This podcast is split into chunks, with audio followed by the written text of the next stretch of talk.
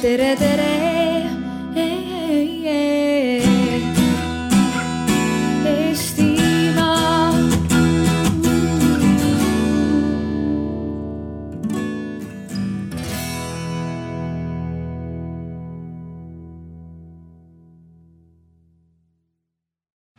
Et äh, minu poolt siis tere kõigile Telia Tirgi tarkusalale.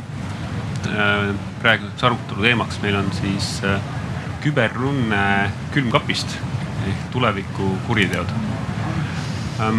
teema sissejuhatuseks minu poolt nii palju, et ähm, üritame arutada just selle nagu sihiga, et ähm, mis on asjade interneti mõju, et selle, sellest see külmkapi vihje äh, tulevikule, et järjest rohkem seadmeid läheb internetti kui praegu on juba noh, küberkuriteod, kübermured on, on teemaks ja põhjustavad üsna suuri kahjusid teinekord isegi. siis kui see trend nagu jätkub selliselt, et, et, et mis see siis on, mis see hakkab põhjustama, kuidas sellest ära hoida, mida ise selle vastu teha, mida ettevõtted võiksid teha, mida isikud võiks selle vastu teha, et, et see on nagu suund. mina ise olen Toomas Kärner, Telia asjade interneti valdkonnajuht. ja, ja kuna ma asjade internetis pidevalt tegelen selle maailmaga, siis, siis mul on nagu omad mõtted, omad äh, ideed selles osas, aga ja, ja ma selle valdkonnaga puutun igapäevaselt kokku. Aga alustaks selle ringiga, et äh, tutvustus ja kes on, kes mida teeb ja mis on teie seos nagu selle asjade internetiga, kübertuuritegevusega või kogu selle temaatikaga, et Merle. tere, mina olen Merle Liivak. olen ajakirja Ema peatoimetaja ja Püha Johannese kooli äh, lapsevanem. Ja, ja olen üks äh, siis äh, kooli lapsevanematest, kes algatas ka ekraanivaba päeva, mis leidis esimest korda aset eelmisel, eelmise aasta septembris ja tuleb nüüd sel aastal, kahekümne teisel septembril. Minu enda seos selle teemaga ongi eelkõige lapsevanemana, aga ka tegelikult läbi iseenda kogemuse olen, olen olnud vähemalt ühe küberrünnaku ohver eelmisel septembril vahetult, see oli augustis. mõni nädal enne seda, kui, kui ilmus esimene ajakirja Ema number ja kui olid kõige kibedamad ettevalmistuse ajad sai, sain ma niimoodi rumaluse kaudu äh, klõpsasin ühele lingile, mis äh, nakatas mu Facebooki konto ja, ja viirusega ja, ja üks Aafrika kodanik võttis mu Facebooki konto üle. ja samamoodi võttis ta üle ka Kahvliahvi Coca-Cooli Facebooki lehe. kui keegi on kuulnud, siis Kahvliahvi Coca-Cool innustab lapsevanemaid kokkama koos lastega. ja, ja siis olin päris suures hädas püüdsin ametlikke teid pidi oma Facebooki kontot tagasi saada, aga see ei õnnestunud.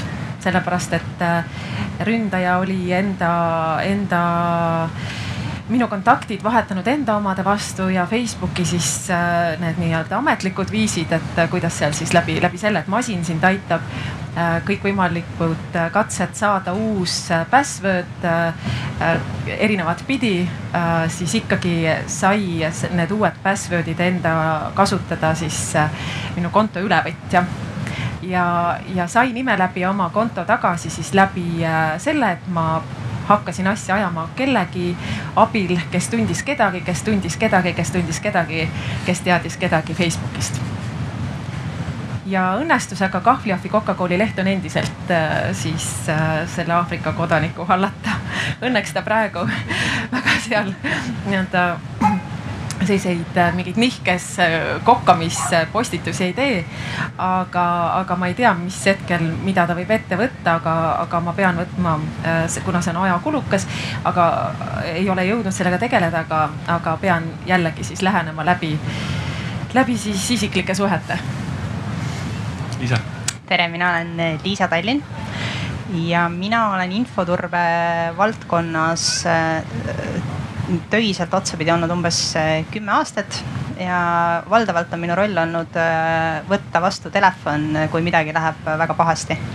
ehk siis ma olen olnud Riigi Infosüsteemi Ameti kommunikatsioonijuht, NATO Küberkaitsekeskuse kommunikatsioonijuht kaitseministeeriumis töötanud küber, kübervaldkonnas ja siis nüüd olen erasektoris ettevõttes Spectix Spectix toodab andmeanalüüsi tarkvara, mis on mõeldud infoturbespetsialistidele, ehk siis nüüd, nüüd ma pigem tele,, telefon enam nii punane ei ole, et, et pigem neid päevil räägin räägin väga osavate infoturbespetsialistidega, et aidata neil oma andmeid kaitsta ja aru saada, mis, mis ettevõtetes infoturbe alal toimub.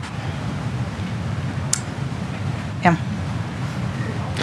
Jah, tervist, minu nimi on Tiit Hallas, minul on au kaitsta siis infoturbelisi varasid LHV nimelises pangas Eestis. Kokkupuude infoturbega võib-olla on äkki viimased kakskümmend aastat. Ja, ja, ja seos selle IoT maailmaga lisaks sellele, et ma olen nende seadmete igapäevane kasutaja ja tarbija, võib-olla ongi see, et, et eks infoturbe inimeste üks oluline kohustus või, või roll selles kogu maailmas ongi inimestele teadvustada või inimesteni viia neid võimalikke riske või neid ohtusid ja, ja teha mingeid soovitusi, mida saab enda jaoks ära teha siis kas Facebooki kontode või, või IoT seadmete osas. ja lasta inimestel siis ise valida, et, et kas, kas IoT seadmete kasutamine on, on siis mõistlik või mitte, et et mu enda nägemus sellest infoturbe korraldusest ongi selline, et, et me peame eelkõige olema need, kes räägivad asjadest ja selgitavad, et mis need ohud on. eks see lõpuotsus saab ikkagi kasutaja oma olla, et kindlasti ei ole eesmärk see, et kõik oleks absoluutselt turvaline ja ärme IoT-d kasuta. pigem on eesmärk see, et inimesed teeksid teadlikke otsuseid. minu nimi on Kristjan Port. sisuliselt olen teatud mõttes nagu tavainimene selles tehnikamaailmas, üritan aru saada, et, et kuidas see elu muutub. palka saan Tallinna Ülikoolist ja natukene TalTechist ja Tallinna Tehnikaülikoolist ja natuke ühest Riia ülikoolist ka et Tallinna Ülikoolis peamiselt ma tegelen ikkagi inimese töövõime kesksete probleemidega. aga Tehnikaülikoolis ma käin lugemas magistrikursusele tulevikustsenaariumitest. just see peamiselt, mis seda tulevikku mõjutab, on tehnoloogia. aga üllatavalt palju ikkagi inimese käitumine selles tehnoloogilises, tehnoloogilises olukorras või tehnilises maastikus ja, ja noh, kunagi ammu-ammu üle paarikümne aasta tagasi lihtsalt täiesti juhuslikult Aavo Raup oli hetkel pidi raadiost puuduma. ja ütles, et kas sa tuleksid, loeksid tehnoloogia kommentaari lihtsalt ajutises korras. nüüd ma olen paarkümmend aastat ajutises korras seda tehnoloogia kommentaari ja see on see inimlik pürgimus, et mitte, mitte dotseerida, ütelda, et kuidas asjad käivad. nagu me ennem ka rääkisime, et et põgusalt, et tuleviku suhtes võib ükskõik milliseid positsioone võtta, seisukohti võtta, kuna sa ei tea, kas sul on õigus või, või oled eksinud. aga mida rohkem me sellest räägime, mida rohkem neid erinevaid vaatenurki on, seda, seda rohkem on meil mõtteainest või diskussiooni teemat ja seda, teatud olukorrad sünnivad ju alles siis, kui kui realiseeruvad teatud tingimused ja nendest tingimustest tasub juba eos rääkida. ja et, et see on see minu pürgimus olnud, et tehnoloogiast aru saada, et mis see inimese roll on ja mis inimese saatus selles on, et. et päeva lõpuks me ei taha ju, et alles jääks robot, vaid me tahaksime, et alles jääks inimene. siit on äh, hea jätkata sellega, et äh, vaatame nüüd sellele, et mis see tuleviku kuritegu siis selles asjade interneti maailmas võib nagu olla, et et äh, kõige suurem küberrünne maailmas on juba tehtud asjade interneti seadmete poolt äh,. IP-kaamerad tegid üle terabitti liiklust, sellega saab lasta sisuliselt ükskõik millise veebilehe või teenuse internetis äh, pikali, nii et ta ei ole kättesaadav. et äh, see on lihtsalt üks näide, siis on teada vana näide, kuidas äh, Iraani tuumaprogrammi äh, oluliselt ütleme niimoodi, et siis takistati küberründega äh,. viideti tema aega edasi, et ju nüüd keridasid mõned aastad edasi, viis-kümme aastat edasi. ja oletame, et see maailm areneb sellises suunas, nagu ta praegu on. et milliseid äh, küberkuritegusid siis asjade interneti vallas võiks üldse nagu oodata, et äh, et üks on see, et okei okay,, Facebooki kontost jääd ilma, aga kas sa jääd nagu üks päev siis nagu külmkapist ilma või? Et külmkapp ei tee enam ust lahti ja kogu lugu, et ütleb seesama aafriklane, et eh, palun mulle siia Bitcoini ja siis pääsed oma piimale ligi. et eh, mõtteid selles vallas? minu jaoks üks eh, väga tähtis selline dilemma tekkis siis, kui umbes paar aastat tagasi mul oli juttu ühe, ühe, ühe mm, valitsuse nõunikuga, innovatsiooninõunikuga kes äh, rääkis äh, äh, hästi innustunult sellest, kuidas kõik, kõik, kõik läheb, automatiseerub, kõik, kõik asjad on lõppeks, lõpuks internetiseeritud ja, ja inimese inimese roll on tegelikult lõõgastuda selles masinate maailmas, et koduabilised teevad kõik ära ja, ja sina saad lõpuks tegeleda kõikide oma ägedate hobidega peamiselt. ja, ja, ja, ja, ja diivani, diivanilt siis äh, viia ennast kurssi uudistega maailmast ja ja, ja siis ma olin just Pere ja Kodule kirjutamas kolumni sellest, et et, et miks, miks on oluline lastega äh, niimoodi multisensoorselt kogeda maailma, miks on oluline käia mere ääres, visata lutsu, miks on oluline ronida puu otsa, äh, putitada traktori mootorit ja nii edasi ja nii edasi? Ja, ja kuna ma olin samal lainel ja nende küsimuste lainel, siis ma küsisin selle Äh, hea tuttava nõuniku käest, aga miks, miks, miks ma teen seda oma lastega, kui see tulevik on selline, et no mis mõte sellel on, miks ma pingutan. mul oleks palju mugavam elu, kui ma ei peaks neid ettevõtmisi lastega äh, ette võtma. ja, ja ta ütles selle peale seda, et kui ühel päeval tuleb päikesetorm ja kõik süsteemid ütlevad üles siis inimkond jääb ellu just selliste äh, inimeste tõttu, kes teavad, kuidas äh, lõket teha, kuidas lõkkele süüa teha ja, ja, ja lutsu visata et äh, see ei ole küll võib-olla küberrünnak otseselt, aga see on üks suur siis võib-olla force majeure katastroof, mis, mis võib ühel päeval ju meid tabada mm. -hmm. aga küberründe osas?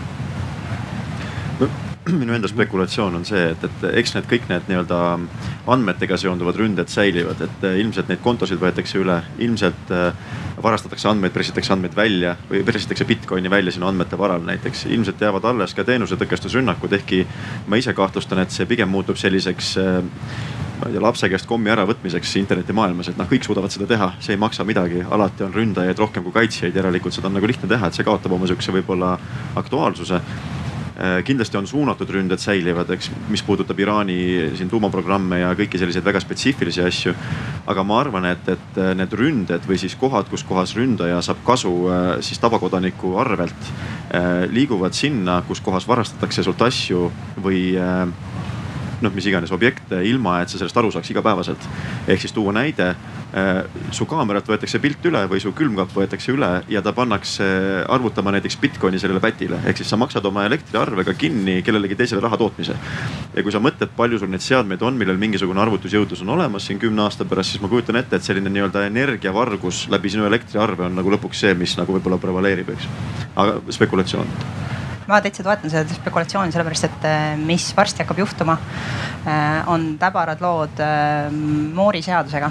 Ehk siis ähm, arvutite valdkonnas teada-tuntud seadus, et arvutusvõimsus Äh, kahekordistub, just nii, iga umbes pooleteise aasta tagant, sellepärast et äh, suudetakse jälle lisada rohkem transistoreid äh, väiksemale alale kokku.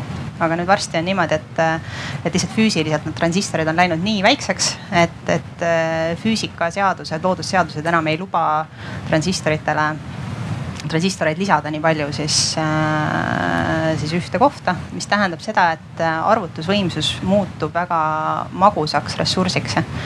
ja kurjategijad äh, selles mõttes on koopamehed aegade algusest peale, et kurjategijaid ju motiveerib miski, et kui neid motiveerib raha, raha kaevandamine, siis nad tahavad tahavad ressurssi, et, et seda raha kaevandada või kuskilt raha juurde saada ja kui see külmkapp või küttesüsteem või mõni muu kodune Äh, mõnus masin, mis võib-olla äh, seisab jõude, siis, siis oleks ju hea seda ära kasutada. Ja tark kurjategija on selline, kes suudab seda teha märkamatult, et näiteks siis äh, nutikalt äh, komponeerida oma, oma vargused nii, et, et näiteks seadistada need ajatsooni, et, et asi toimuks öösel, kui me magame ja võib-olla märkame siis tõesti elektriarvega, et midagi võib-olla on veidike nihu, aga siis on äh, hilja juba aga kõik ei pea toimuma märkamatult, et kui sa vaatad neid äh, vägivalla vorme, siis seesama äh, tuumamaterjali puhastavate tsentrifuugide vastu tehtud rünnak sisuliselt on ühe riigi rünnak teise riigi vastu. ja teatud mõttes üks riik saab teist riiki terroriseerida ilma midagi tegemata, aga hirmu külvates rääkides, kuivõrd võimekas ta on, et, et praegu ju käib USA-s küllaltki tugevalt see vaidlus Hiina tehnoloogiliste toodete teemal, et kas seda peaks riigi taristusse lubama või riigi suurtesse ettevõtetesse üldse lubama ja näed, pelgalt see hirm Äh, jaotab juba väärtused ümber, et äh, teatud mõttes võib seda hirmu külvata nii hiinlane, aga ka Ameerika ettevõte, kes ütleb, et minu tehnoloogia on küll kehvem, aga ostke seda, kuna ma olen oma. ja näed jällegi, et üks viis on kuidas sellise hirmu najal mõjutatakse inimeste käitumist moel, mis on kellelegi kasulik ja see ei pea olema sugugi alati rahaliselt kasulik, kuigi antud näites võib see ettevõtte kasu olla. aga ta võib olla täiesti riiklik invasioon, häirides teise riigi meelerahu ja, ja suurendades sellist poliitilist rahulolematust. nii et, et neid vorme on palju rohkem kui, kui pelgalt see raha üles noppimine, aga samas lihtsalt pikendamaks seda sissejuhatavat näidet, et äh, üheks varaks, mis inimesel on, on tervis. ja terviseseadmete äh, paljusus on praegu hästi populaarne, et meil on osa medi-, äh, tervishoiuseadmed, mis on sertifitseeritud ja see on päris suur kontroll, kuidas seda uuendatakse ja kui kaua peaks seda korras hoidma aga siis on heaoluseadmed, igasugused kellad ja asjad, värgid, mis, mis mõõdavad, inimesed ostavad neid palju rohkem, kuna need on odavamad, nende sertifitseerimine on odavam. ja need tungivad argiellu moel, kus inimeste valikud hakkavad sellest sõltuma ja on juba päris palju neid näiteid ja minu arvates USA ohuraportis tuuakse ka esile, et need tervishoiuseadmed on üks tüüpiline uus ohuallikas kuna inimesed ei uuenda seda tarkvara või siis ta või siis see tootja tänu odavale tootmistsüklile on ammu juba kas äh, millegi uuega tegeleb, igal tal ei ole mõtet seda vana asja uuendada ja tagajärjeks on see, et sul on arvatavasti äh, ülevõetav või, või blokeeritav äh, seade, mis, mille teenusest ilmajäämine kahjustab sinu heaolu. et neid, neid vorme on tõesti palju rohkem. ma mõtlen, et kui seda, kui, kui tõenäoline on, et, et saab ikka noh, üks on see, et sa lihtsalt kahjustad, võtad seadme ära, noh tee ta kasutuks. aga see Iraani tsentrifuugide näide oli ju see, et söödeti valeandmeid ette ja ta lõhkus ennast ära kas selline rünne isiku vastu on ka mõeldav, et sa oma terviseseadmete kaudu söödad talle selliseid andmeid, põhimõtteliselt annad talle teada kogu aeg, et sul on pulss nagu kõrgem. inimene hakkab pabistama, tõstabki pulssi. seda on demonstreeritud, insuliinipumba puhul on demonstreeritud, kuidas võib surmava doosi süstida ja seda on häkitud ja täiesti demonstreeritud avalikult, et see on tehtav ja näidatud neid auke ka, mismoodi seda saab teha ja kui küsida siis äh, tootjalt, et äh, what's up, et, et äh, parandaks ära, siis tootja on ammu juba võib-olla pankrotis, mis iganes ta on, ta on selle tsükli lõpetanud. et aga, aga inimeseni see informatsioon ei jõua, aga seda on ilusti demonstreeritud ja, ja ma tean haiglate näitel on seda äh, sisekontrolli teostatud vaadates täiesti neid ka klassikalisi korralikult sertifitseeritud medi-, meditsiiniseadmeid. et ka nende tarkvara lihtsalt haigla enda kultuuri ei uuenda. nad on kuskil kogu aeg ja nad on need elulemust toetavad seadmed tihtipeale seal haigla patsiendi juures, et jube keeruline on korra, et kuule, et me tahame update ida siin midagi. et need juhtmed peavad patsiendi küljes olema ja need jäävad siis äh, uuendamata ja neid võidakse ja need ähvardatud on üle võetud äh, ka ja ähvardatakse jällegi, et, et andke raha, siis me laseme teil jälle tervena edasi elada sarnased ründed tegelikult on ju ajaloos olnud isegi mitte IoT seadmetel, aga kui me mõtleme sellele suurele naftareostusele, mis Mehhiko lahes oli siin juba mitukümmend, mitu aastat mhm. tagasi. siis ähm, seal oli tegemist väidetavalt tarkvaraveaga, kus kohas, kuna see naftapuurtorn oli justkui nagu mingisuguse nurga alla läinud. arvuti arvutas valesti, vaatas, et ta mitte ei kompenseeri nurka tagasi, vaid ta kompenseeris üle, mis murdis toru ära ja sul oli reostus käes. kui sa mõtled tänapäeva sõidukite peale, kus kohas võib-olla arvuti või see IoT seade seal, eks ju, mingi sensor reguleerib seda, et kas ta kompenseerib sul rooli, kui sa hakkad kuhugi kalduma või kompenseerib pidureid vastavalt kiirusele või noh, kõike muud nutikust seal. ja need süsteemid, olles internetis, on ka rünnatavad ja manipuleeritavad, siis selliseid asju rünnates sa võid inimesele ja tema tervisele päris olulise mõju avaldada jah, isegi ma võtan näiteks kinni, et siin hiljuti on korduvalt isegi demonstreeritud, kuidas liiklusmärgis natuke märkamatult inimese jaoks tajumehhanismidele märkamatult mingeid kriipsukesi juurde lisades, siis see algoritm, millega see pildi äratundmissüsteem töötab, tema tõlgendab seda stopp-märgi asemel kiiruspiirangu märgina, et sisuliselt lisab kiirust no ja see on eluohtlik muutus. ja selleks ei pea tõesti mingisugune eriline küberründe spetsialist olema, vaid ja ja kuigi see oli tõesti eksperimentaalselt kirjeldatud tänu inimestele, kes teavad, kuidas see äh, masinaõppe algoritm on üles ehitatud, aga, aga see info levib päris kiiresti, niisugust äh, häkkeri või, või lihtsalt destruktiivse meelelaadiga inimesi päris palju, nad lähevad ja kritseldavad nende märkide peale suvalisi asju, et ja see on kontrollimatu, kuna me te, tõesti ei tea, äh, kuidas masinaõppe algoritm lõpuks oma otsuse teeb ja millised sigrimigrid seal hakkavad seda protsessi mõjutama, nii et, et äh, sa ei pea sugugi olema häkkija selleks, et oma pintsliga seal selles andmetundlikus maailmas segadust külvata siin kaugelt ju ka autos üle võetud, noh üle, üle mobiilivõrgu täitsa, et, et ka pidureid ja suunatulesid ja kõigega mängitud sõidu ajal. hoiatuseks. hoiatuseks ja pärast parkla peal siis tehti kõik. et okei okay, ähm,, päris nagu no ei ole liiga nagu rõõmus. Lülitaks välja. Nagu minul oli hiljaaegu selline kogemus, kus inimene äh, tegi nagu masinliku otsuse äh, meditsiinisüsteemis äh, äh, mul kaasa sai löögi autolt jalgrattaga sõites ja ta kiirabi viis ta EMO-sse. talle tehti analüüsid ja analüüside järgi oleks ta võinud kohe koju minema hakata, sest et äh, selgroog ei olnud äh, murdunud seal mingid murdumised väiksed olid, aga need pidid ise ära paranema. pea ei saanud löögi ja, ja üldine selline äh, keha, äh, kehafunktsioonid toimisid äh, ja arst oli andnud siis käsu patsient koju lasta. ma läksin patsiendile järele ja, ja õde siis innustas hakata hakkama minema ja siis ma küsisin, kas te teate, mis temaga juhtus, kas te olete näinud, et see video lihtsalt meist olenemata läks levima. ja ta ütles ja, aga me ei tee videote põhjal otsuseid selle üle, et mis ravi me määrame või, või kas me laseme koju või mitte, et meil on analüüsid aga, aga see inimene lihtsalt ei saanud isegi külge, külge keeratud ilma, et, ilma et oleks, oleks äh, sellised valjud, valjud häälega, hääled sellega kaasnenud.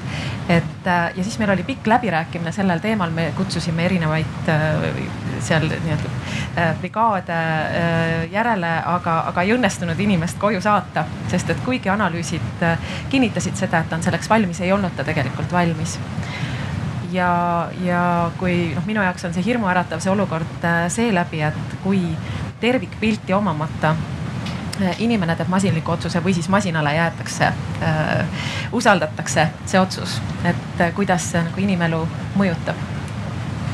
okei okay sarnaseid näiteid on toodud ju ka äh, nii-öelda õigus- või kohtusüsteemist, kus kohas on mõeldud, et aga miks ei võiks näiteks robotid otsustada mingite lihtsamate otsuste üle ja seal on samamoodi need võib-olla inimlik aspekt mingisuguse karistuse määramisel kaob ära, siis see robotlik nagu võib-olla õigusmõistmine alati ei pruugi olla kõige õigem või meie mõistes, inimeste mõistes siis ausam või, või midagi nii. siis tundub, et selgelt nagu ala on, kus, äh, kus äh, inimene peaks absoluutselt kindlasti olema nagu ahelas sees ja pigem tegema otsuse ja pigem masinad peaks nagu noh, tegelema info äh, töötlemisega, talle ettesöötmisega, aga noh, selle infoga kannatab ka ju manipuleerida info ära jälle ja inimene teeb sellest infost lähtuva otsuse. mina olen selles suhtes pessimist, et, et äh, kui midagi on võrku ühendatud, kui midagi on automatiseeritud, siis äh, see või ja kui seal on isegi inimene vahel, siis midagi võib minna vussi see on kindel ja sellega me võiksime arvust, arvestada kohe algusest peale seda räägitakse ka ju vereanalüüside kohta, et, et kui, kui on elektrivoolu kõikumised, siis see mõjutab tulemust. vereanalüüsil sa võid saada vale tulemuse tänu sellele, et, et elekter ei ole ühtlane et küsimus on siis, et eh, mida teha, kui eh, kõik eh, on nii halvasti.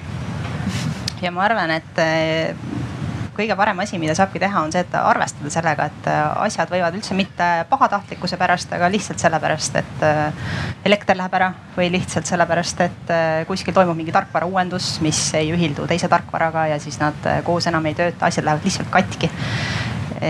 Kui need on elutähtsad süsteemid nagu meditsiin või, või, või ka transpordi sõlmpunktid siis on hästi oluline, et oleks tegelikult olemas eh, inimestel teadmine algusest peale, et asjad võivad vussi minna ja neil oleks olemas mingisugune plaan. et äh, kui nüüd käib mingi kohutav litakas, siis me näiteks võiksime teha selli, sellise asja, et kõik teavad, et nad äh, peavad olema siis saadaval, nende roll on, sinu roll on rääkida ajakirjanikega, sinu roll on minna uurida, mis toimus, teha seda rahus, saada aru, mis toimus. ja et oleks mingisugune selline selline protsess äh, paigas, et see kehtib siis nii, äh, nii asjade internetisüsteemide puhul kui, kui ka ütleme klassikaliste arvutisüsteemide, süsteemide puhul just, et hästi oluline on, et äh, oleks tege-, tegevusplaan kaose puhuks et, et jätkates seda võib-olla esimest mõtet, millega sina tõid, et, et laps peab oskama traktorit remontida ja, ja metsas ellu jääda. hästi õige näide ja mina tõin enda jaoks paralleeli selle koha pealt, et me käime aeg-ajalt ka motomatkadel näiteks ja sõidame ringi ja oleme hästi palju sõltuvad GPS seadmetest näiteks. millegipärast alati ikkagi on kuklas see, et kui sa ka seda GPS-i peal seda kaarti vaatad, siis põhi oleks alati üleval, et kui see GPS ühel hetkel enam ei tööta, siis sa oskad orienteeruda. aeg-ajalt käid ka paberi peal orienteerumas, et paberkaardiga hakkama saada. ja kui me toomegi näite võib-olla siin kuu aja tagusest ajast, kus kohas Galileo süsteem oli viis päeva lihtsalt maas. Galileo siis, kes ei tea, on, on see eurooplaste nii-öelda GPS seade, et me mõtleme, et kui palju me tegelikult navigeerimisel sõltume, eks ju, satelliitidest, mis ühel hetkel ei pruugi töötada. siis noh, kas me siit Paidest koju oskame minna ilma GPS-ita, nii et noh, sihuke mõttekoht, et ilmselt, ilmselt täna oskame, võib-olla kümne aasta pärast enam hästi ei oska et.... kellel on autos Regio kaart noh? Mul veel on mul ei ole vist.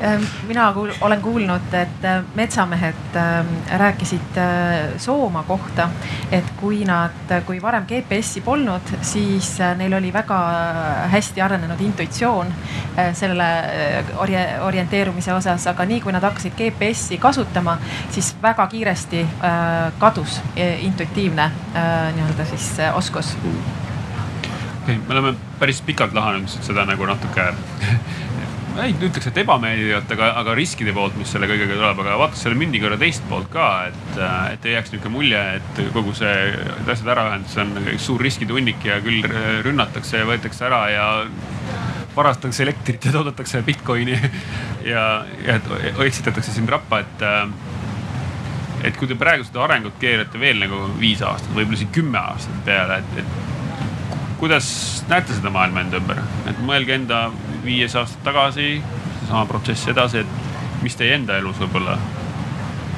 lisaks tuleb? ma tahaks rohkem maal olla tegelikult ma arvan, et järgneva viie-kümne aasta jooksul see, see kõver keerab tagasi.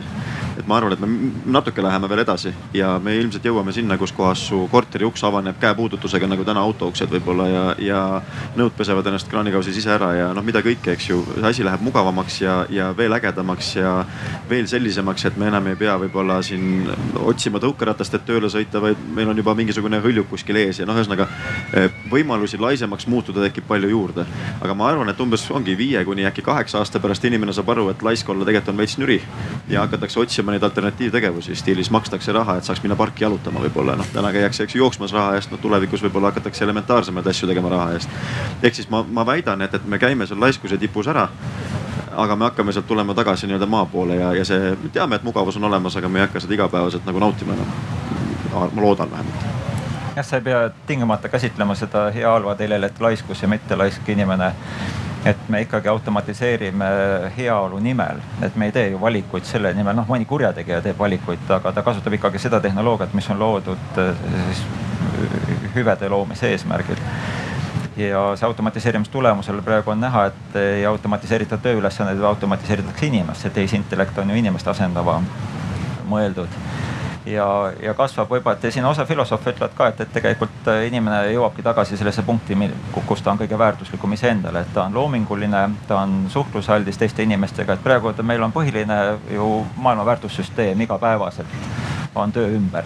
et sa lastega suhtled ainult lähtuvalt sellest, kas sul on aega ja ei, ma ei saa seda teha, kuna ma pean tööd tegema, kõik need muud asjad on väga töökesksed ja tulemuseks on see, et arvatavasti osa tehnoloogiat hakkab teenindama just seda, seda meelehead ja, ja, ja see on selline nagu hüveline äh, lahendus. aga samas võib ka jällegi, et me ei saa rääkida jälle väga sellises, äh, sellises sinises pilves, et, et alati on sellel pilvel see kerge rant ümber, et äh, et tõesti inimene kaotab osa oma võimeid, mis seni on inimeseks olemisel väärtuslik olnud ja selle pikaajalise evolutsiooni käigus või ütleme, viimase inimarengu, tsivilisatsiooni arengu käigus on ikkagi loonud selle kultuuri väärtussüsteemi et kasvõi see ema, ema roll peres ja, ja pere kui terviksüsteem, kus on isa, ema, võib-olla vanavanemad ka lähedal olemas, et, et nüüd on on erinevate suurte riikide statistika näitab, et, et no üksikvanemate, kellest on üheksakümmend protsenti emad, kes peavad mitmes kohas tööd tegema selleks, et selle ühe lapsega hakkama saada. ja kontakt lapsega kaob ja lapse peamiseks meelelahutuseks või, või, või kasvatajaks on siis see ekraani kaudu tulev informatsioon.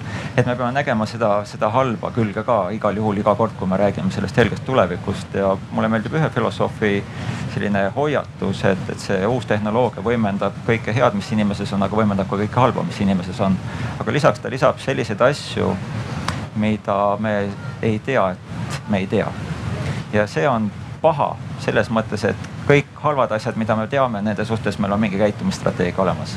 aga need halvad asjad, mida me ei tea, et me ei tea, nende suhtes meil kaitse puudub ja et, et see on alati see ohuallikas, et, et ta peaks kontekstis olema ma võin äh, Püha Johannese kooli kontekstis äh, äh, öelda seda, et et see ekraanivaba päeva idee tuli ka sellest, et õpetajad lihtsalt nägid, kui palju mõjutab ekraanide rohkus tänapäeval laste keskendumisvõimet.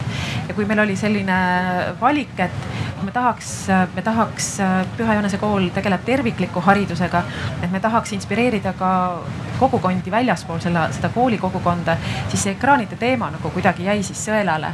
et see on praegu kõige aktuaalsem äh, ja küsimusi tekitav valdkond. samas on aluseks võetud äh, lähtepunktiks see, et me elame äh, digitaalses, digitaliseeritud maailmas ja, ja see on meie reaalsus, et me ei peaks sellest välja astuma, selle eest põgenema, et me peame siin hakkama saama. aga küsimus on see, et kuidas me saame kõige paremini hakkama, jäädes samas ka inimeseks inimeseks, kes on loov, kellel on kujutlusvõime, kes äh, oskab ja tahab suhelda ja koostööd teha. Et nagu mõeldes tuleviku peale, et milliseid inimesi me tahame sealt äh, teisest kooli, kooli siis äh, nagu otsast välja saata. Ja, ja, ja selle selle ekraanivaba päeva nagu mõte on ka meelde tuletada, et äh, peavad olema piirangud. et äh, see, selleaastane äh, üleskutse on, et, et iga pere mõtleks, et kas nad saaksid võtta iga nädal ühe ekraanivaba päeva, see on peaaegu võimatu. ma mäletan, kui me valmistasime seda kampaaniat ette aasta tagasi, siis ei olnud üldse minu suhtlus nii palju Messengeris, kui ta on sellel aastal, et aastaga on juba nagu veel ja veel enam liikunud mul suhtlemine nagu siis sellesse Messengeri kanalisse aga see see, see, see nagu huvitav fakt siinjuures on see, et koolide, koolid osalesid uuringus, kus uuriti ka seda, et kuidas lapsed tunnevad ära reklaami äh, internetis äh,, sotsiaalmeedias ja, ja Püha Johannese kool äh, ei kasuta esimese kolme aasta jooksul arvutiõpet, sellepärast et nad, nad usaldavad selle, selle, selle valdkonna neil aastatel perele, nad rõhuvad teistele väärtustele, mida nad peavad inimeseks olemiseks ja targaks ja nutikaks äh, ja empaatiliseks inimeseks olemiseks äh, äh ülemaks. ja, ja, ja uuringu tulemuste äh, uuringu tulemused üllatasid selles mõttes äh, paljusid, et, äh, et kool, kus ei ole arvutiõpet esimestel aastatel, koolilapsed tundsid paremini ära reklaami kui, kui nende koolide lapsed, kus, kus on arvutiõpe. et see nagu näitab nagu seda minu jaoks, et kui lapsel on mingisugune nagu distants selle infotehnoloogia suhtes säilunud, siis tal on ka kriitikameel säilunud tal on talupoja mõistus paremini säilunud ja, ja see areneb, kuna ta tegeleb ilmselt palju enam, kui, kuna need on nii-öelda teadlikumad pered selles osas, siis see laps saab ilmselt palju enam tegevusi oma, oma elus, mis on multisensoorsed, kasutatakse kõiki meeli ja, ja, ja peetakse tähtsaks äh, sidet oma, oma lähedastega, teiste inimestega.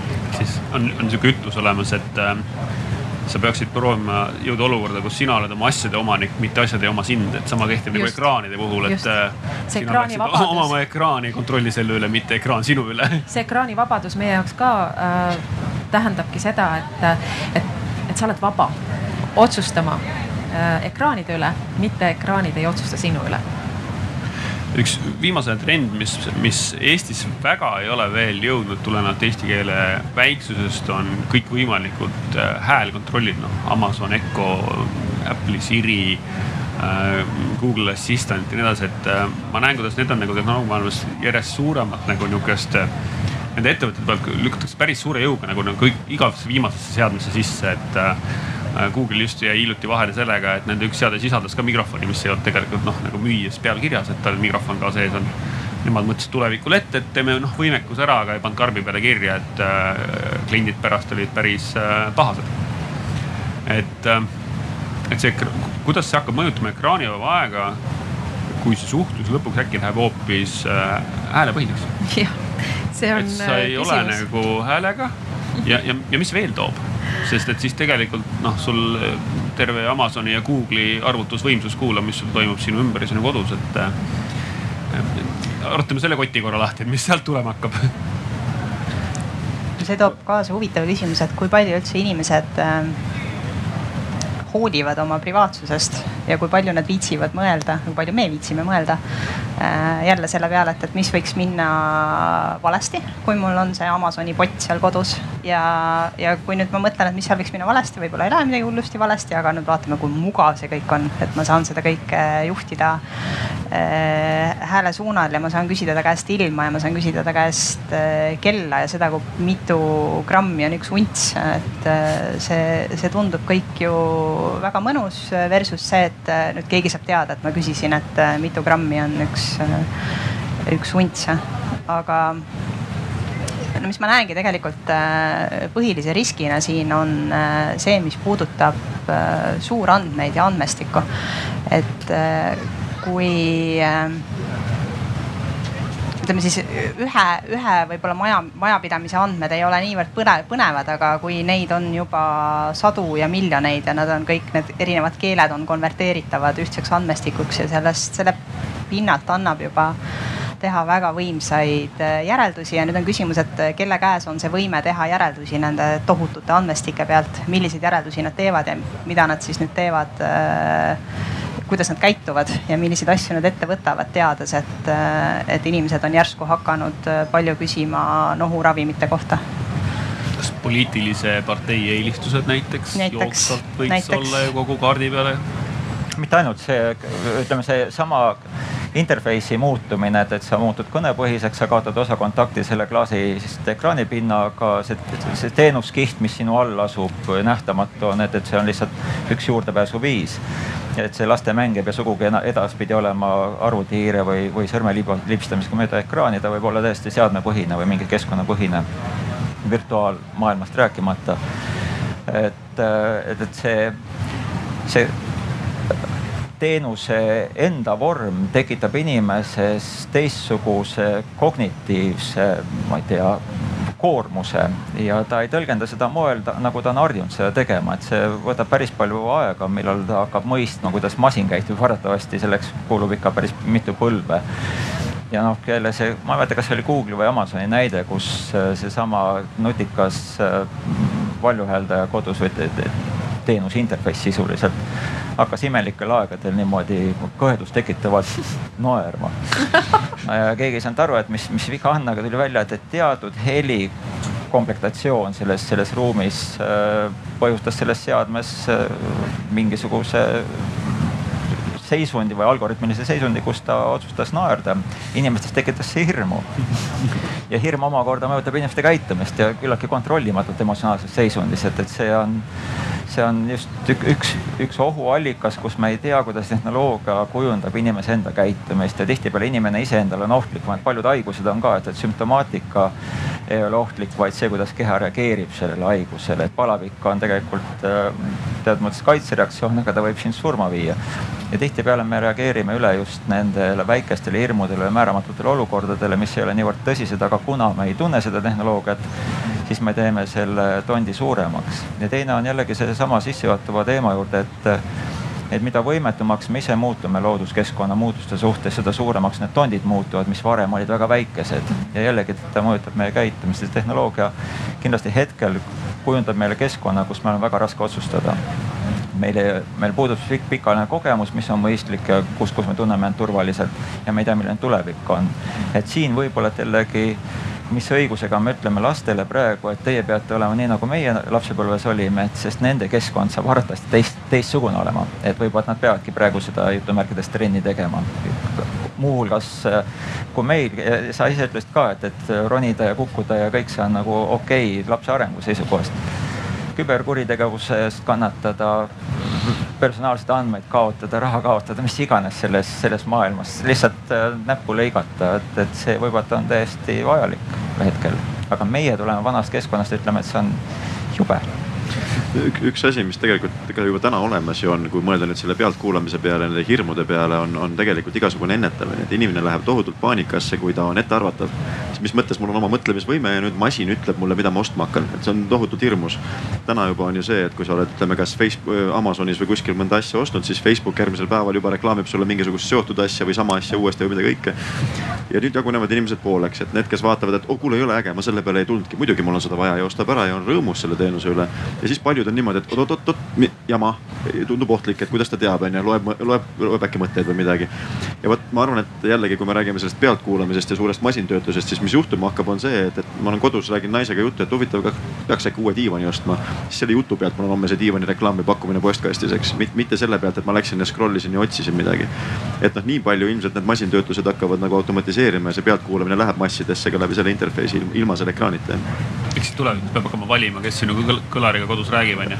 Hakkadki, hakkadki kirjutama rohkem inimestega me, ma olin hiljaaegu ühes seltskonnas, kus arutati selle üle, et kas äh, needsamad äh, siis süsteemid, mis näiteks siis Facebookis äh, söödavad sulle ette reklaami teemade kohta, mis sind huvitavad, et kas, kas saavad needsamad süsteemid hakata siin sulle siis pakkuma sulle sobivat haridusteed näiteks et kas, kas nendest masinatest saab olla abiks, äh, saavad, kas nad saavad olla abiks äh, siis oma elukutse valikus ja ma arvan, et, et varsti see teenus on olemas või kui ta, kui ta juba olemas äh, pole.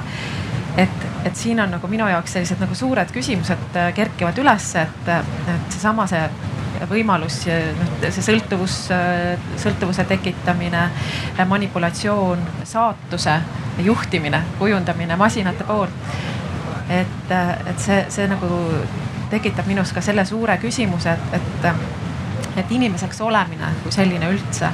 et, et noh, näiteks hariduse, haridustee valikul, et kas, kas see on niimoodi, et meil on mingid anded sees ja siis me avastame need anded, et need on nii-öelda, masin aitab avastada.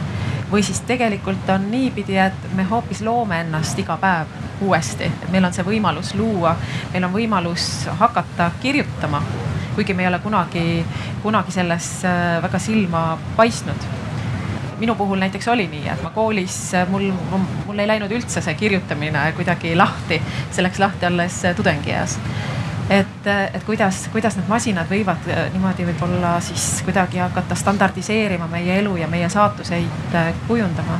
ja sealt edasi see hirmu teema, hirm manipulatsiooni ees ja selle ees, et sa, et kõik on, privaatsus on kadunud et, et see, kui palju sa külmkappi kasutad, et see on kuskil kirjas ja keegi võib seda jälgida, keegi võib häkkida. sinu külmkapi uks võib ühel päeval hakata lihtsalt kinni-lahti käima. aga mis selles halba on, kui kui sulle see ütleme, tehniliste teenuste keskkond pakub kõik õiged lahendused ja sa elad elu lõpuni ja siis sured ilma pikalt kannatamata. ja sind võib nimetada näiteks broileriks. Mhm. -huh. et sa sünnid, sind sünnitatakse maailma, sind toidetakse, soojendatakse, sa oled päikese valguse käes, antakse vitamiine ja sa sured ilma vaevata ja sa tead, et ainuke asi, mis sa tead, on see, et, et sa ei lähe hukka, vaid keegi sööb su ära. ja kui me suur masin praegu meie jaoks sellise maailma loob, siis on ju kõik ideaalne, et, et miks me protesteerime selle vastu. kui inimeseks olemine, selle sisu on kannatuste vältimine siis äh.... kanal ei ole kannatuste vältimine, ta me üritame luua talle kõige parema maailma. aga ja tahaks, ju, tahaks ju arvata, et, et äh, ini, inimeseks olemine on midagi enamat. ja, ja me arvamegi, et aga, et me kogu aeg üritame seda parandada, aga me ei ole sellega rahul, vaid me üritame seda kogu aeg parandada ja siit ja. tekib näed see probleemide rägastik, me ei ole rahul sellega, mis on.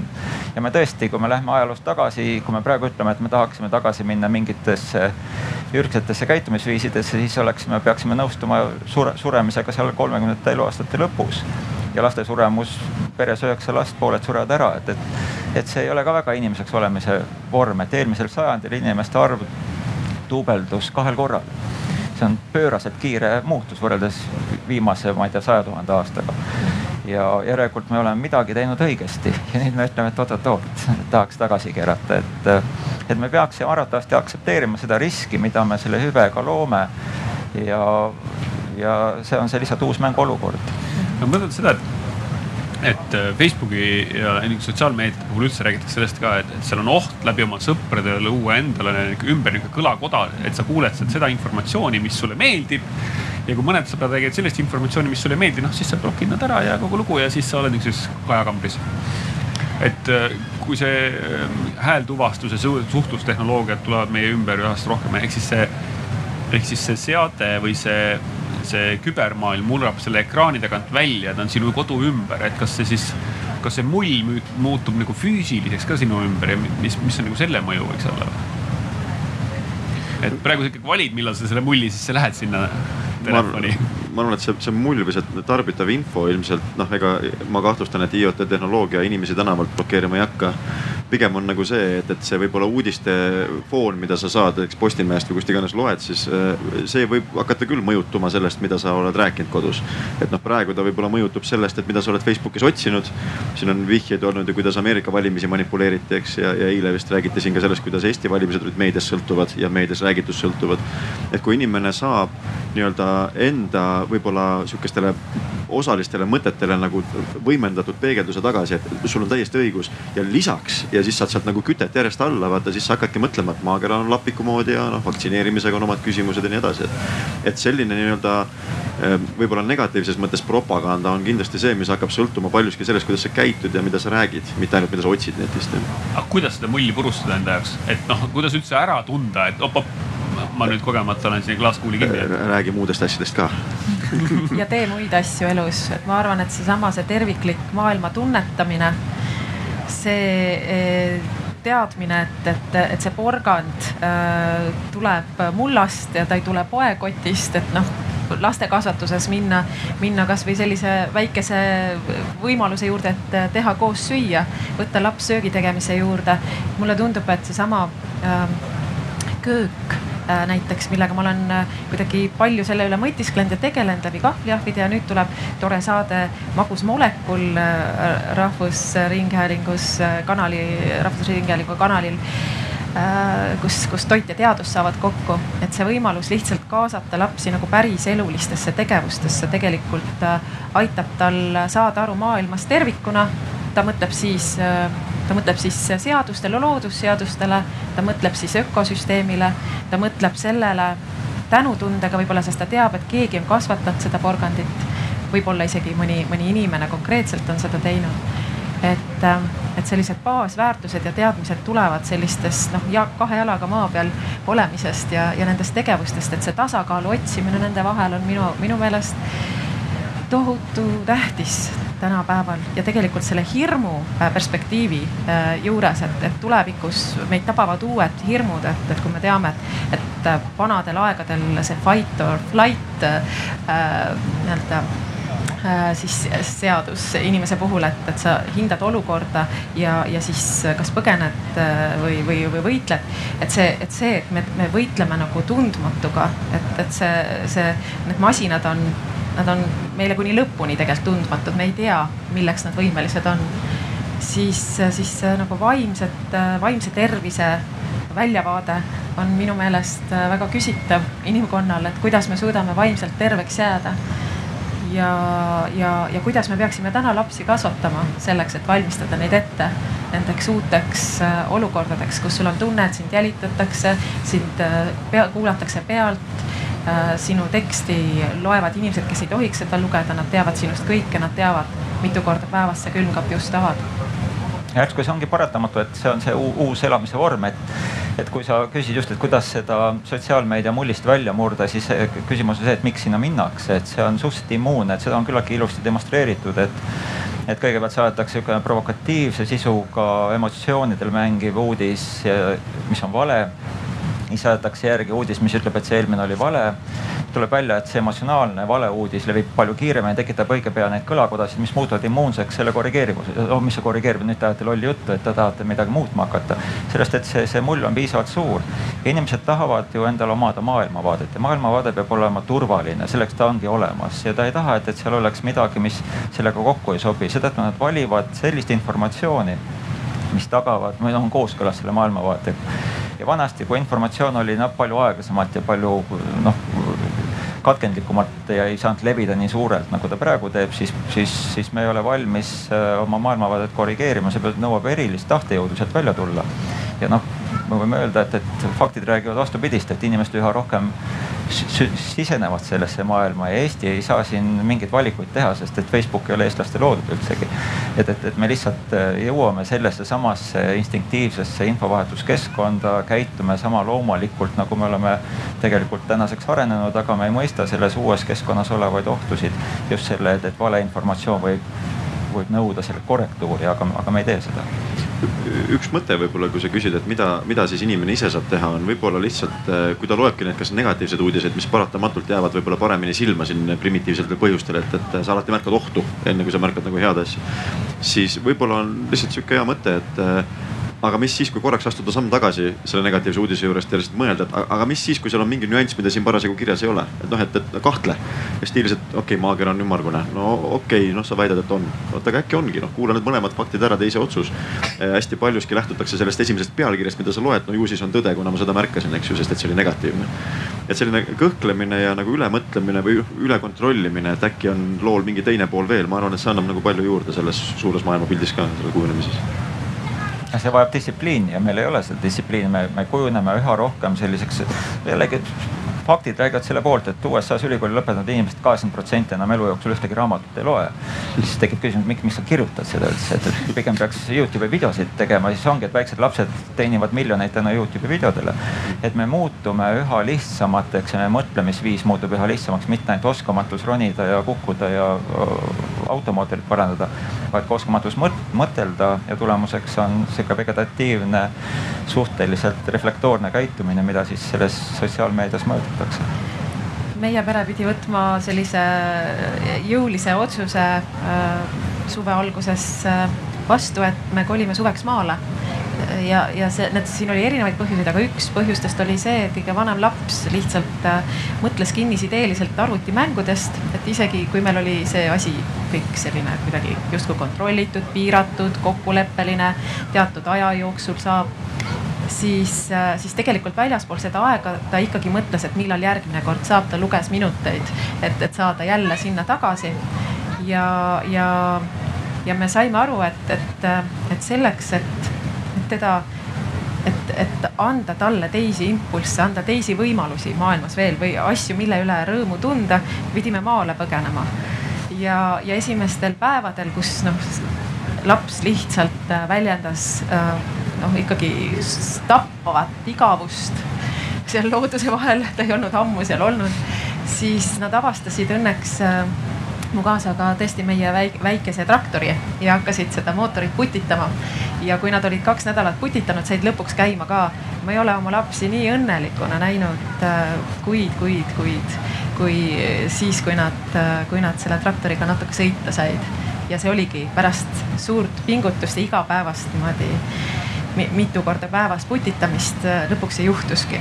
paned sa tähele, mis, mis, mida sa kirjeldad, sa kirjeldad sedasama tehnoloogilise tsükli algust, et antud juhul traktor, aga traktorist tekkisid kõik need ülejäänud masinad kuni infoseadmeteni, lihtsalt alustas seda aeglasemat tsüklit.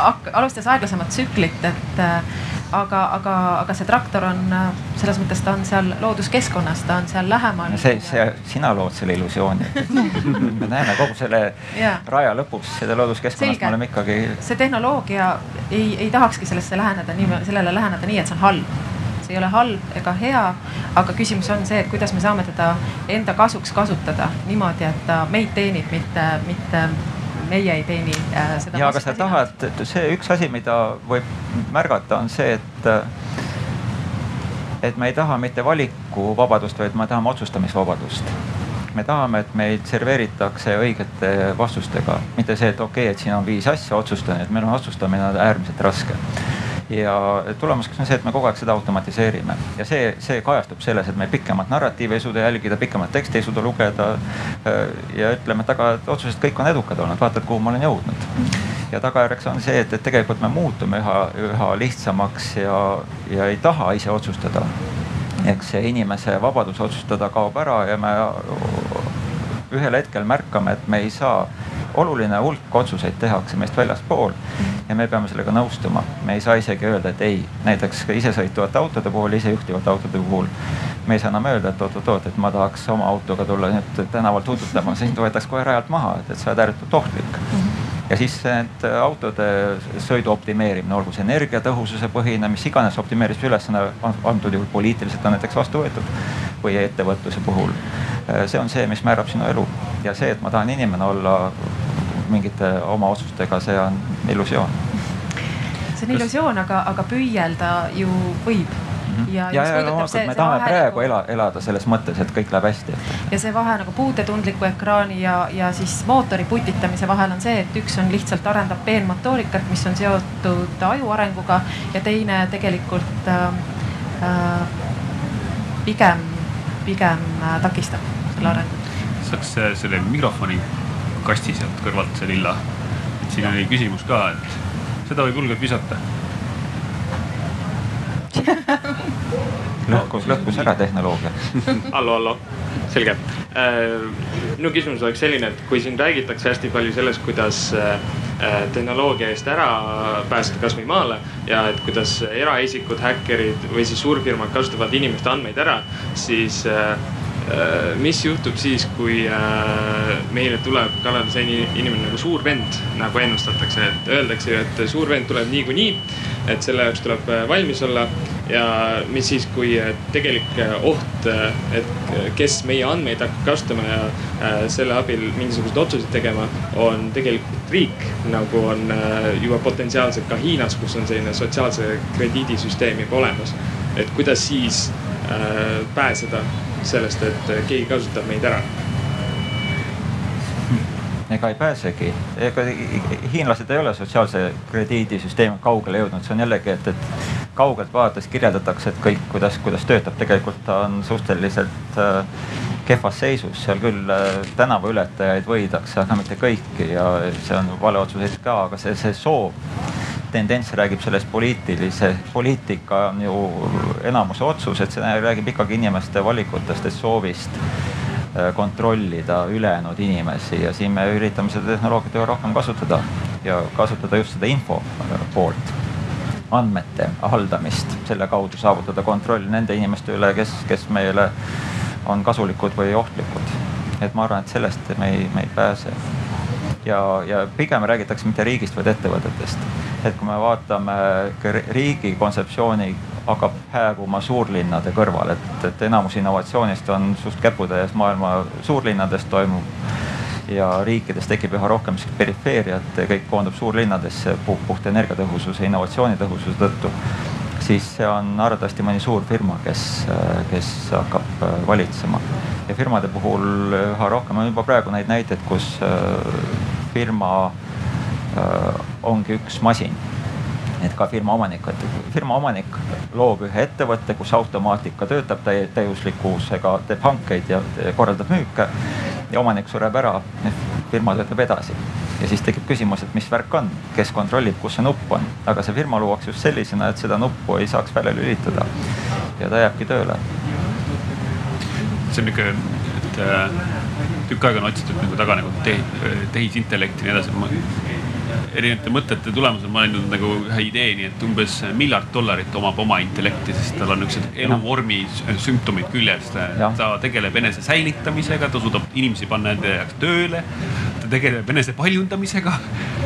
et äh, tihtipeale see nihuke organismi otsimine just bioloogiliselt on. jah, see äh, metafoor või allegooria töötab hästi sarnane on see Richard Dawkinsi The Selfish Gene, isekas geen, et tegelikult geen määrab, et me oleme ainult geeni paljunemise instrument, et.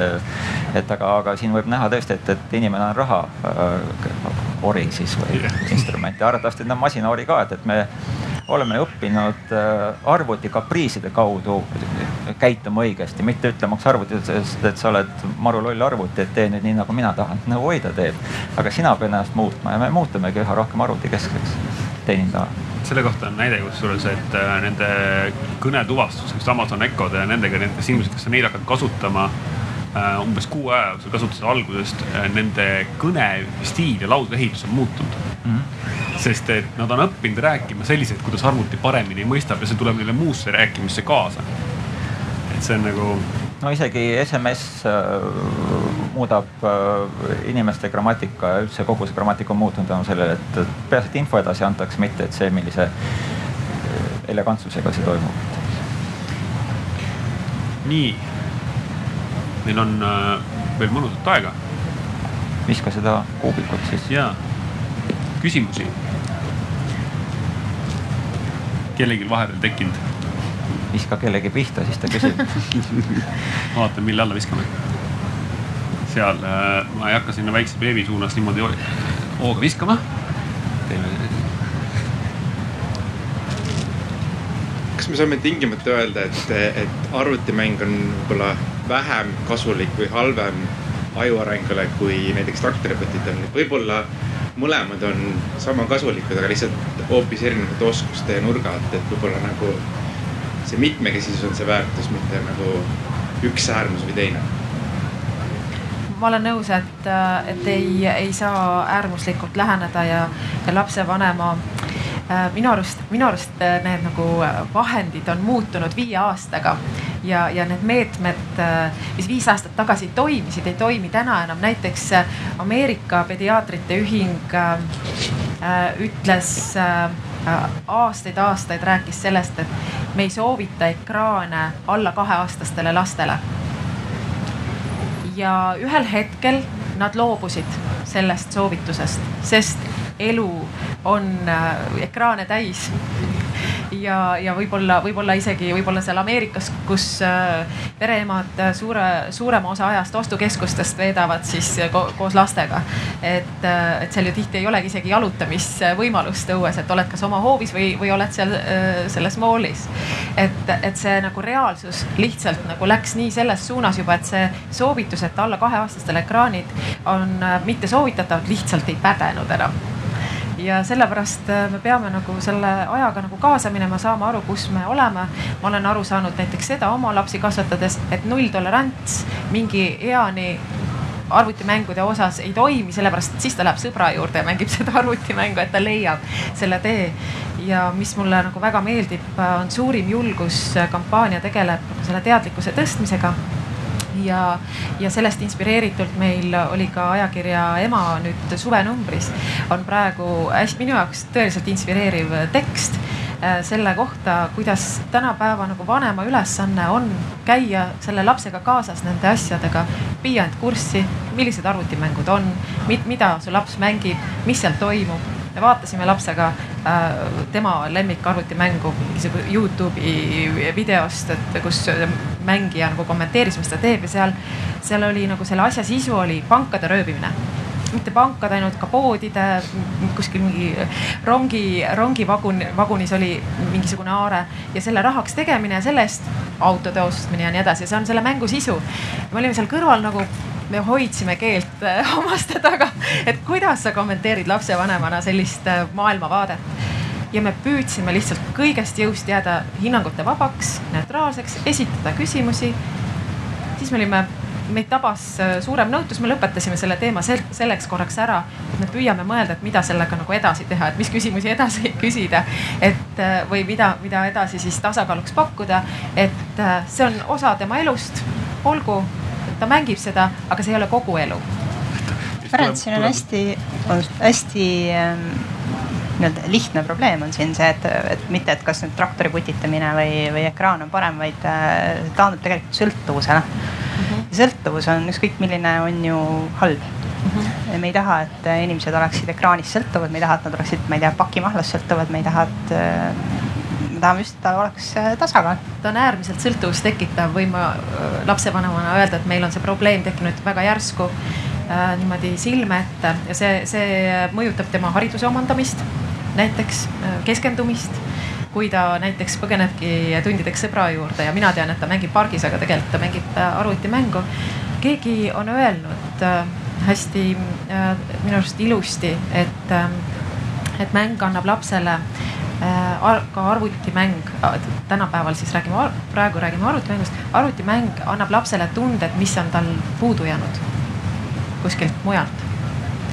ja see on minu jaoks nagu lapsevanemana selline äh, koht, millest. see ei pea tingimata nii negatiivne olema, et äh, arvutimäng või ükskõik mis teine, kasvõi sotsiaalmeedias postituste lugemine või likeide kokku lugemine annab meile meelehead ja, ja see sõprade arv, et vaata, sõbra pidamine on päris kallis. sa pead aega füüsiliselt kohal olema, vestlema, palju lihtsam on klikkida, öelda, et vaata, mul on viissada. ja see näitab, et äh, see, see muudab selle tunde odavamaks, et me tegelikult meelehea tunde muudame odavamaks ja see arvutimäng, kui ma, ma toon teistpidise näite, et liikumispuudega laps, ta on suurepärane, kui ta saab ekraani peal täisväärtuslikult liikuda, enamgi veel, ta saab lennata ja tulistada, olla mis iganes miks mitte seda talle pakkuda, kõik on ilus. aga ta saab seda nii odavalt kätte, et tal ükski kallim alternatiiv enam korda ei lähe. see, see, see võõrustusnähtused esimesed kolm päeva, kuni sa pakud talle traktori parandamise, on ikka väga intensiivne. ja, ja, ja see on see, kuhu me, kuhu me liigume, me saame meelehead üha odavamalt kätte.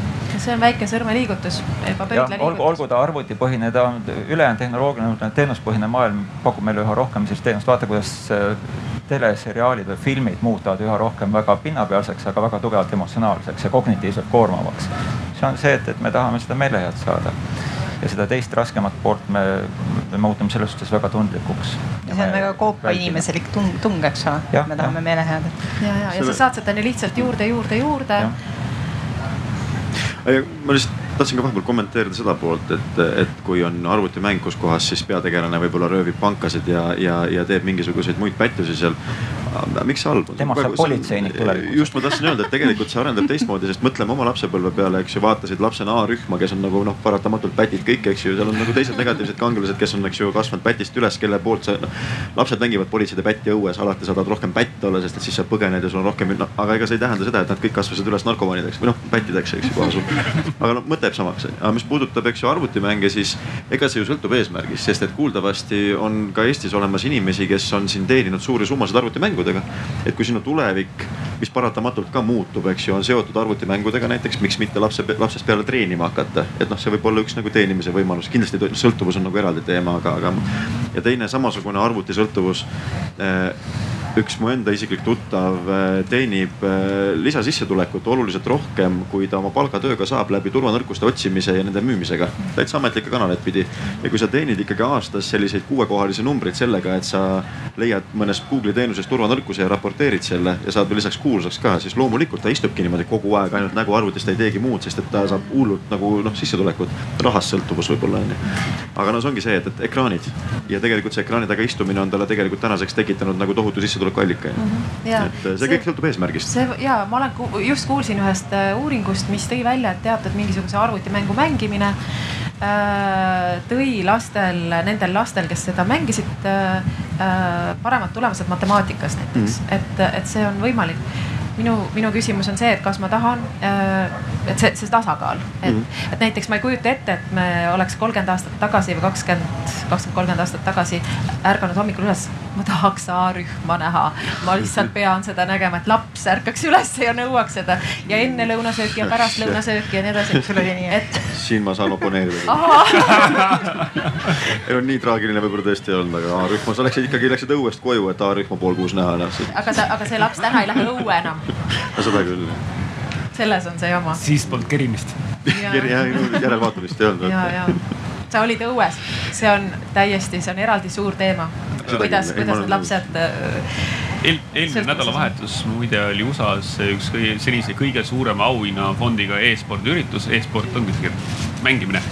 Äh, kus oli vist auhinnafond vist sada, sada miljonit dollarit või? no palun esikoht sai vist kakskümmend.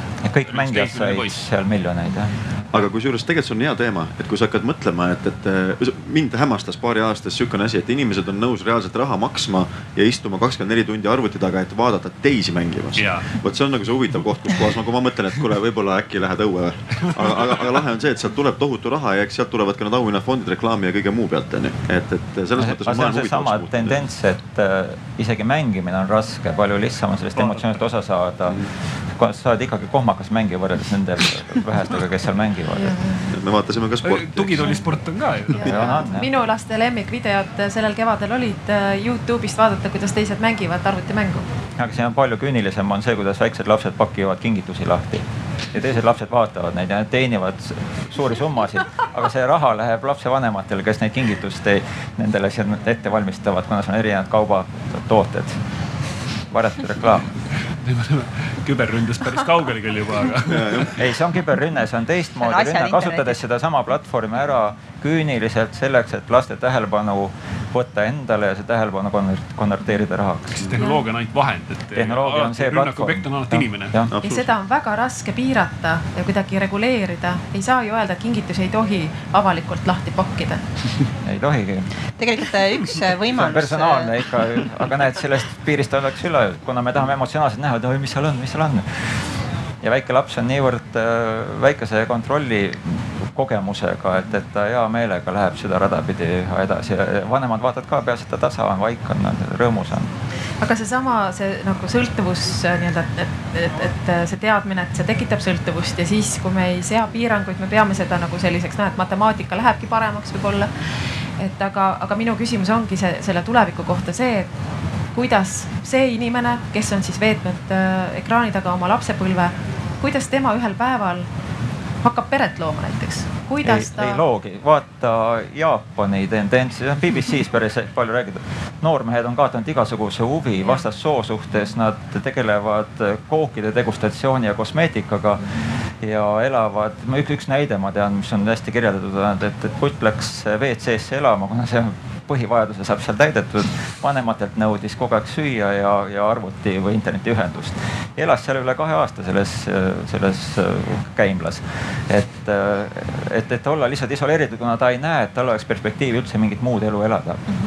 ja me näeme sellises keskkonnas seda, seda tuleb esile, need lilled õitsevad juba see on mitmes põlvkond kasvab üles sellisena ja Jaapani iive kordaja on seal ühe koma kahe juures, nii et ei sünni emale-isale asendajat. et äh, populatsioon vananeb üha rohkem ja seal öeldakse ka, et, et me ei taha mitte äh, uusi inimesi siia, võõramaalasi vaid me asendame need sotsiaalteenused, vanemate inimeste hooldeteenused robotitega ja nad äh, üha rohkem harjuvad roboti kultuuriga, et, et, et kui kui korealane, kes on mitmendat põlvkonna jaapanlane, kes on täiesti, täiesti nagu väljaspoolt vaadates jaapanlane, talle Jaapani passi ei anta.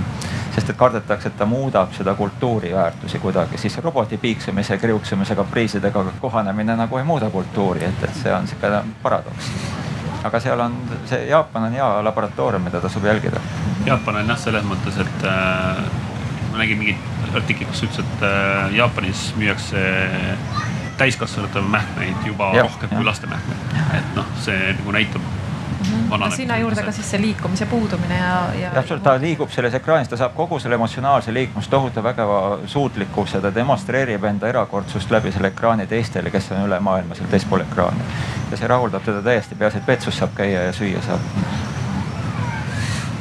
ja noorel inimesel ei ole neid muid haiguseid, mis peab vahepeal haiglas käima, ütleb vanemate inimeste puhul, et, et peab hästi vastu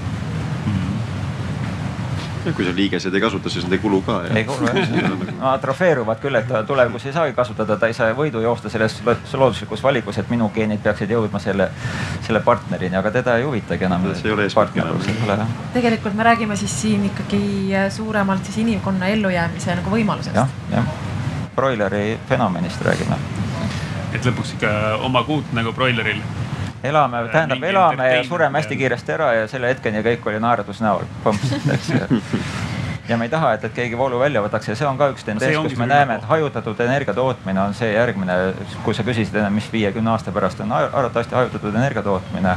see, see päikeseenergia, tuuleenergia, mis iganes energiavormid nende kogumine muutub üha kulutõhusamaks ja sul ei tasu maksta seda taristu hinda, mis sul äh, tsentraalselt seda kohale tuuakse. Ja kogukonnad lähevad üha valglinastumine, et linna kesk, keskust väljapoole, siis äh, arvatavastiseks üheks tehniliseks lahenduseks on sõltumatu energiatarne ja see suurendab oluliselt seda infoteenuste vastupidavust no, äh, tsentraalsetele vigadele.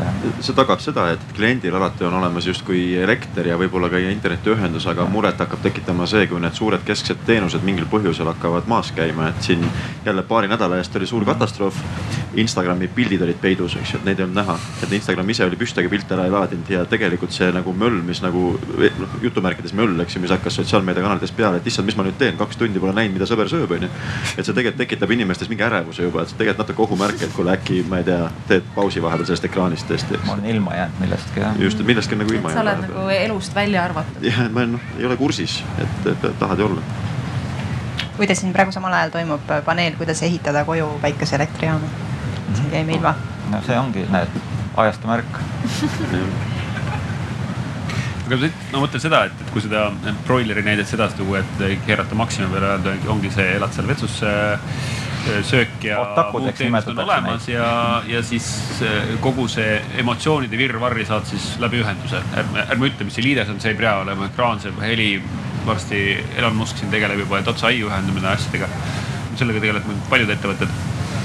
et ähm, okei okay,, saame valmis, ütleme, et on väga äge aga siis see ründeobjekt on ju noh, nagu tema rünnaku pindala, mida rünnata, on ju täielik. ta on sul sõna otseses mõttes peos. tehnoloogilises mõttes ta ei noh, ta on absoluutselt sellest sõltuv. ta on samamoodi sõltuv kui internetti ühendatud äh, ähm, erakorralise meditsiini patsient, kes sõltub oma masinast, see objekt sõltub ka juba sada protsenti masinast. aga üks suur muutus, mida sa jätad märkimata, on see, et talt ei ole midagi võtta.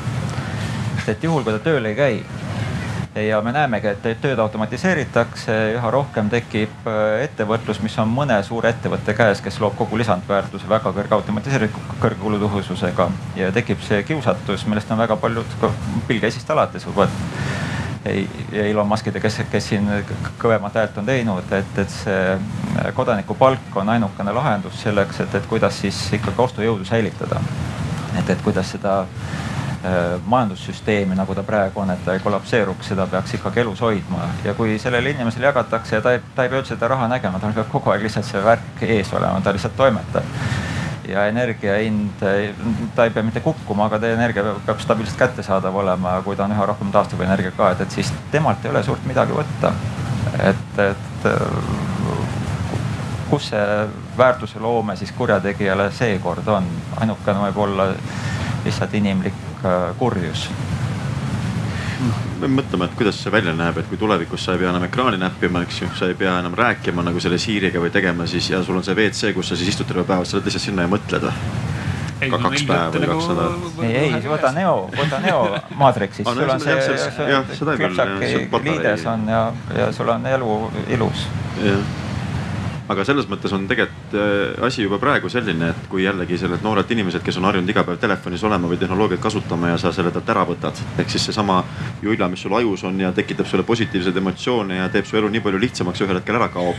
siis, siis äh, tehnoloogia pohmakas, ma arvan, on selle asja nimi tegelikult et sul lihtsalt sa pead, sul on, sul on mingi periood, on ta siis päev või nädal või kaks nädalat või noh, kuu või elu on ju, on, on lihtsalt oluliselt raskem olla, millega sa pole harjunud, see tekitab sinust depressiooni ja negatiivse tunde kas.... ja sellega hakkama saamine on, ma arvan, väljakutse ilmselt. kas keegi on siin nagu ise proovinud mingit a la kogu sotsiaalmeedia pausi teha mingi kuu aega või mingeid siukseid eksperimente on keegi proovinud? mina pole alustanudki okay. siis on pausi lihtne teha ei mingeid lühikesi pause ikka on ette tulnud jah, et aga, aga ma ütlesin, et kuu on võib-olla palju öeldud. ei ma mõtlen noh, telefon tühjaks saab, ei käi seal alla. ei no siin oli jälle oli üks sihukene võib-olla reis, kus kohas internet oli lihtsalt hästi kallis, et siis võib-olla istusid natukene aega rohkem offline jah ja.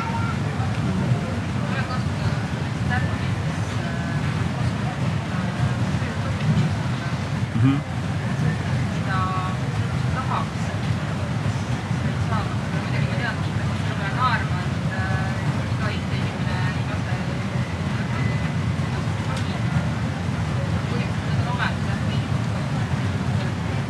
ehk ehk siis äpp, mis äh, limiteerib sinu võimalikku kasutusaega, et sa, et sa, et sa nagu kogemata kinni ei jääks. see on jah, vot ma jäingi mõtlema enne juba selle ekraanide peale, et, et kui, kui teha näiteks, kui proovidagi kodus, et ma teen näiteks ekraanivaba nädala, siis kas sinna alla läheb telefoniga helistamine ka, sest et mul justkui ekraan on ja ma pean avama selle äpi ja, pean see, helistama. see on see aina keerulisem. ekraanivaba päevast oli jutt, aga jah, võib teha ekraanivaba Või no- nädala no või, isegi- või isegi kuu või aasta aga põhimõtteliselt äh, jah, et need, kes, kellel on nutitelefon ja nemad on, kes on siis kaasa löönud sellega, nad on kasutanud seda ekraani siis helistamiseks ja näiteks GPS-iks. Sest et ilma justkui ei saa ju enam. ei, ei saa küll.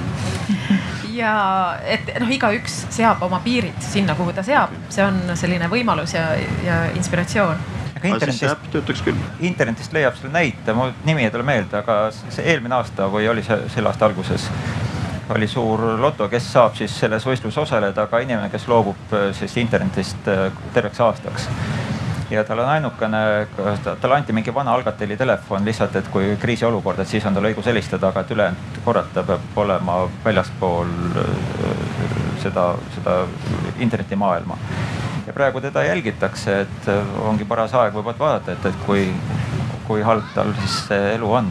aga see on väidetavalt väga suur katsumus, sest see tulemuseks pidi olema suur auhind ka, et, et ikkagi me käsitleme seda, seda interneti ja Eestis on internet inimõigus. et me käsitleme seda ikkagi inimeseks olemise osana juba automaatselt, et see äravõtmine on, on halb. millal muutub internet äh, nii tähtsaks, et me paneme noh, kiirabiautodele vilkurid, politseiautodele vilkurid, millal muutub interneti võrguadministraatori autodele vilkur peale? Võib-olla on ta virtuaalvilkur juba praegu, näiteks kui politsei peab teda kinni kiiruse ületamise puhul, ta ütleb, et mul on võrguadministraator, kuulge, halloo, et siin on. Ja ta laseb, ma tean, arste lastakse läbi tšiu, et äh, siis tal ei pea vilkur olema, vilkurit äh, lahendatakse teistpidi. võrguadministraatoriga on vist see trikk, et ta äh, alati ei pea füüsiliselt kohale tõttama. ja ta, ta tänapäeval ei pea, kihutab võrku pidi kohale, et vaata võrguadministraator, see, see jama on, suuremad intsidendid on siis võrku pidi nagu, mida minna tihtipeale, noh, sõltub olukorrast muidugi. okei okay., noh, noh. veel mõtteid lõpetuseks. kuidas näete seda asja ette mm,? kuritegud, kuriteod tulevikus versus noh, nagu see positiivne, mis sellest uuest tehnoloogiast saada on, et risk versus kasu, isiklikult niimoodi räägitakse riski homostaasist, et homostaas on sihuke süsteemi püsiv seisund selleks, et süsteem toimiks. Ja kui me ühe riski kõrvaldame, siis äh, see riski homostaas tähendab, tuleb teist tüüpi risk asemele ja siis meil kulub mingi aeg ja ressurss selle riskiga toimetulekuks, et, et selles suhtes riskid ei kao kuhugi ära, vaid me kogu aeg tegelikult muundame selleks olemise vormi. ja see on võib-olla just see koht, kus me peaksime küsima, et, et, et kuivõrd palju me peaksime lapsi praegu kõrval hoidma sellest tegevusest, mis on arvatavasti suuresti nende tulevikukeskkond. et nad õpivad tegelikult seda riski võib-olla kitsama maailmavaate, kitsama looduskeskkonna tunnetamise kaudu, aga rohkem tunnetades seda suurt te- tehnilist keskkonda.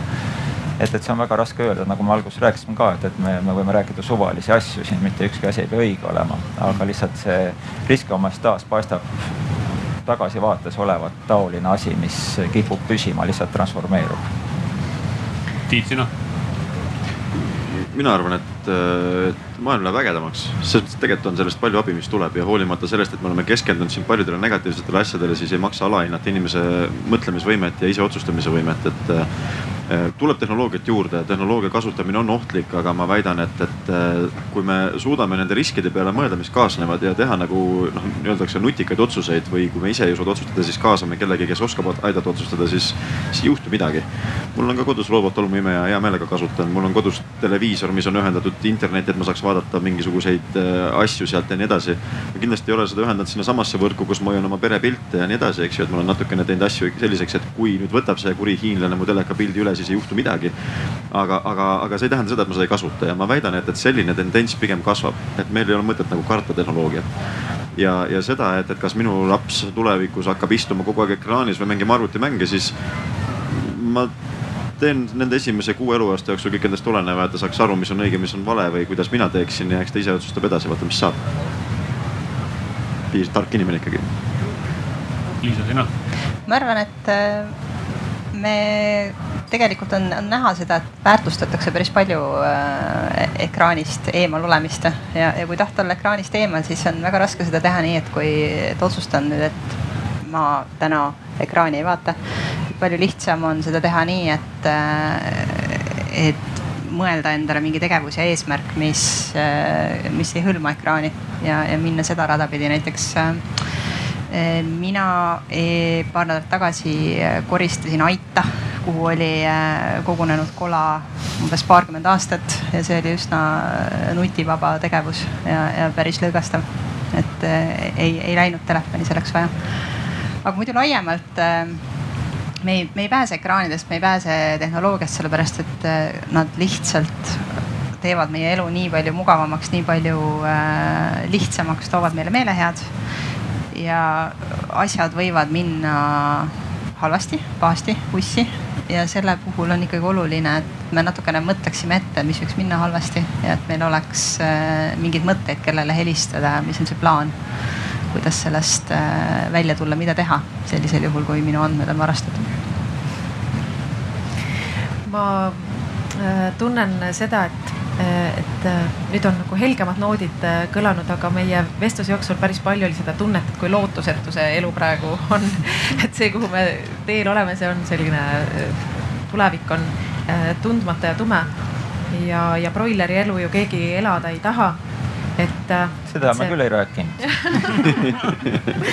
aga, aga, aga see, seesama tunne, mis mul lapsevanemana on, et, et, et see ongi see, et mul ei ole nagu, nagu täit täit nagu teadmist ja, ja, ja, ja lahendust nagu sellele olukorrale, et, et nagu ähm, äh, siin oli kommentaar ka, et tagasipöördumine traktori mootori juurde on tegelikult nagu lihtsalt mingist tsüklist nagu tagasiastumine, mis nagu põhimõtteliselt nagu sa jõuad nagu samasse kohta tagasi, samasse punkti tagasi, kus sa täna oled.